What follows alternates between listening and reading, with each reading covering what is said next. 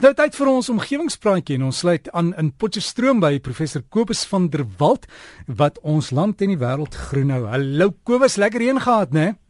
Môre Derrick, môre aan ons omgewingsvriende. Ja man, jy weet so tussen die droogte, dan kry mens hier en daar so los by. En ons het uh, ek dink dit was donderdag het ons 'n hele 15 amper 20 mm hier in Potchefstroom gehad en uh, hoe wonderlik is dit nou nie. Maar nou ja, omgewingsvriende, u sal dalk onthou dat ek verlede week gesels het oor die paar mense in die wêreld wat nou nog steeds glo dat mensgedrewe klimaatsverandering 'n samesweringsteorie is wat die wetenskaplikes en die politici vir eie gewin uitbuit. Nou in hierdie verband het meneer Ernst Brinke, atmosferiese chemikus en die voormalige wetenskaplike leier van die Suid-Afrikaanse Weerdiens se Global Atmosphere Watch se stasie by Kaappunt. Nou hy het vir my 'n brief geskryf en hy voeg by dat ongeag of koolstofdioksied nou tot die globale temperatuurstygings lei of nie, dit wel ander negatiewe invloede op die omgewing het, soos byvoorbeeld die verlaging in die pH-waarde van die oseane wat die groei van koraalriffe bedreig en vreemd genoeg ook die kommunikasie tussen walvisse beïnvloed. En dan tweedens sê hy is ekoloë in Suid-Afrika daarvan oortuig dat verhoogde CO2 vlakke in die atmosfeer plantegroeipatrone in ons land verander. En dit uh, een voorbeeld is byvoorbeeld die bosindringing wat nou in voormalige oop savanna vlaktes gebeur en dit hou 'n ernstige bedreiging vir biodiversiteit in. En hy sê dat hierdie paar feite vir hom genoeg rede bied om die gebruik van fossielbrandstowwe te verminder en na omgewingsvriendelike energieverwekking te oor te skakel. En hy hoop dat die verskillende lande wat aan die COP-vergadering in Parys deelneem, nie net na selfsugtige politieke en ekonomiese aspekte gaan kyk nie, maar ook na die geheel van ons planeet om 'n beter toekoms vir die nageslag te verseker.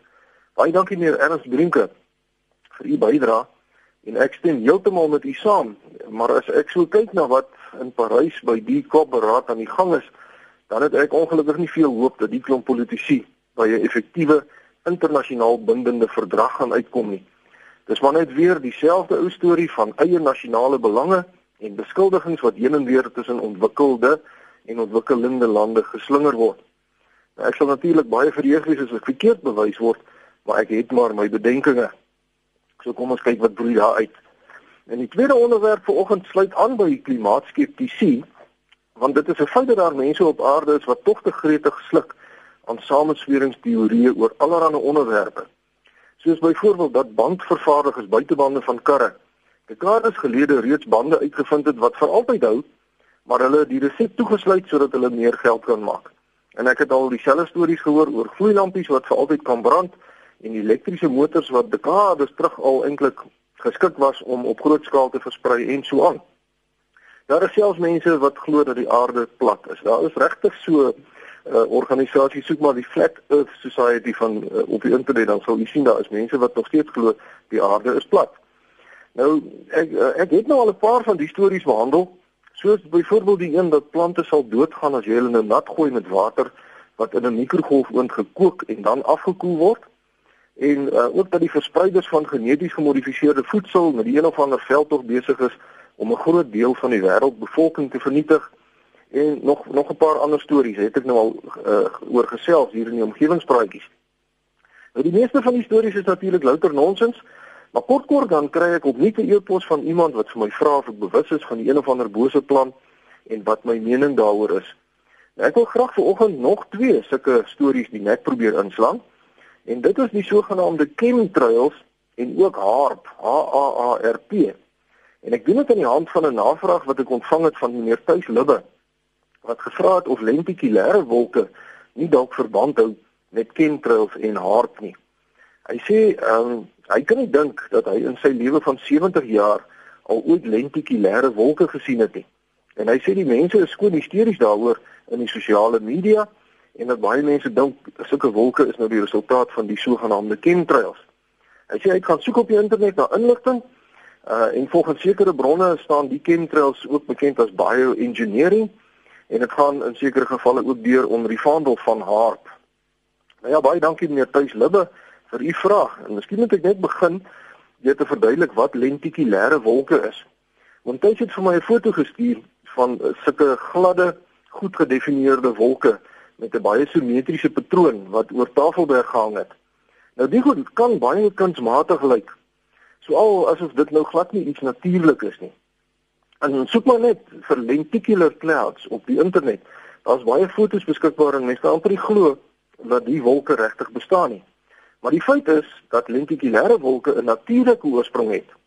Maar omdat die presiese voggehalte, die temperatuur, die windspoed en die windrigting wat nodig is vir so 'n wolk om te vorm, maar baie selde voorkom, sien mens nie aldag sulke wolke nie en dan kan liggelowige mense begin dink dis iets onnatuurlik. En dan begin die sameswerings die samesweringsteorieë broei en die mense is dan baie vinnig om 'n klomp onverwante dinge aan mekaar te koppel en die kat dan heeltemal aan die ster beter kry soos die klomp Amerikaners uh, nou met die chemtrails en HAARP. Nou die teorie oor chemtrails het begin by mense wat die kondensasiestrepe van passasiersvliegtuie in die lug verbind het met lentikulêre wolke en toe 'n afleiding gemaak het dat daar een of ander bose mag is wat besig is om die atmosfeer te bespuit met een of ander chemiese middel van daardie naam chemtrails. En die doel van die hele storie is kwansuis om 'n deel van die wêreldbevolking uit te wis. En dan bring hulle nou sommer verhaard ook by om die hele storie meer geloofwaardigheid te probeer gee. Dit is natuurlik onwaar. Lentikulêre wolke is iets wat alhoewel uitsonderlik totaal natuurlik is. En oor die strepe in die lug, uh, ons het almal al op laerskool geleer dat een van die produkte van enige verbrandingsproses waterdamp is. En die temperatuur op die hoogte waar die straalvliegtuie vlieg, is in die orde van 40 tot 50 grade Celsius onder vriespunt. Met die gevolg dat die waterdamp in die straalmotore se uitlaatgasse onmiddellik vries en die bekende wit strepe in die lug vorm. Hoe die mense by die bewering uitkom dat die wit kondensasiestrepe vol chemikalieë is om die mensdom te vernietig, uh verstaan ek nou nie mooi nie. Uh, en wie gaan nou sterf en wie gaan oorbly? En hoe word daar gesorg dat net sekere mense dan nou oorbly? Dit maak vir my glad nie sin nie. En dan verder HAARP het net mooi niks met vliegtye se kondensasiespore of met lentikulêre wolke te maak nie.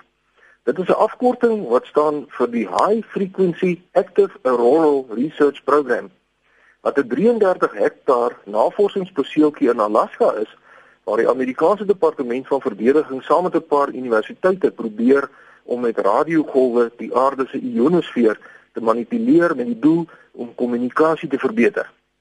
Nou die son straal groot hoeveelhede deeltjies uit wat deur die ionosfeer van die aarde geabsorbeer word of dan op 'n manier afgeskerm word en as die sonwind meer intens word as gevolg van uitbarstings op die son dan word die ionosfeer natuurlik tot 'n groter mate beïnvloed. Nou die probleem is dat die syne vir langafstand kommunikasie deur hierdie selfe ionosfeer voortgeplant word. En as die toestande in die ionosfeer verswak, dan sukkel die Amerikaners om vanuit Amerika met hulle soldate in ander dele van die wêreld te kommunikeer.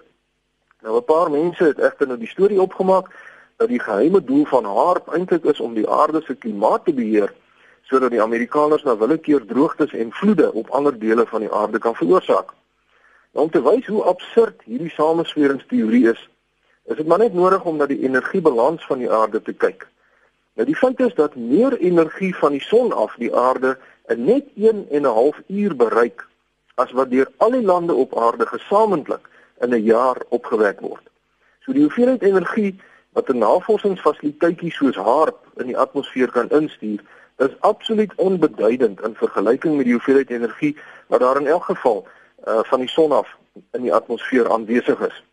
En om te beweer dat hierdie ou bietjie energie wêreldwye klimaatsveranderinge kan veroorsaak, sê nie eintlik heelwat uh, van die mense wat dit glo of die stories versprei se intelligensie nie. En daarmee sluit ek vanoggend af. Skryf gerus vir my by kobus.vanderwalt by nwu.ac.za of soek maar net na omgewingspraatjies se Facebook bladsy. Vriendelike groete tot 'n volgende keer. Alles van die beste. So gesels Kobus van der Walt en daai e-posadres is kobus.k kobus.vanderwalt om mekaar by nwu www.ac.za. En dis nou ook op Facebook, soek vir omgewingspraatjies, die meervoud, sluit aan by die groep en baie van die inligting kan jy daar kry. Soms is interessante goed het ook dit daar gaan plaas. Altyd handig om groen te bly.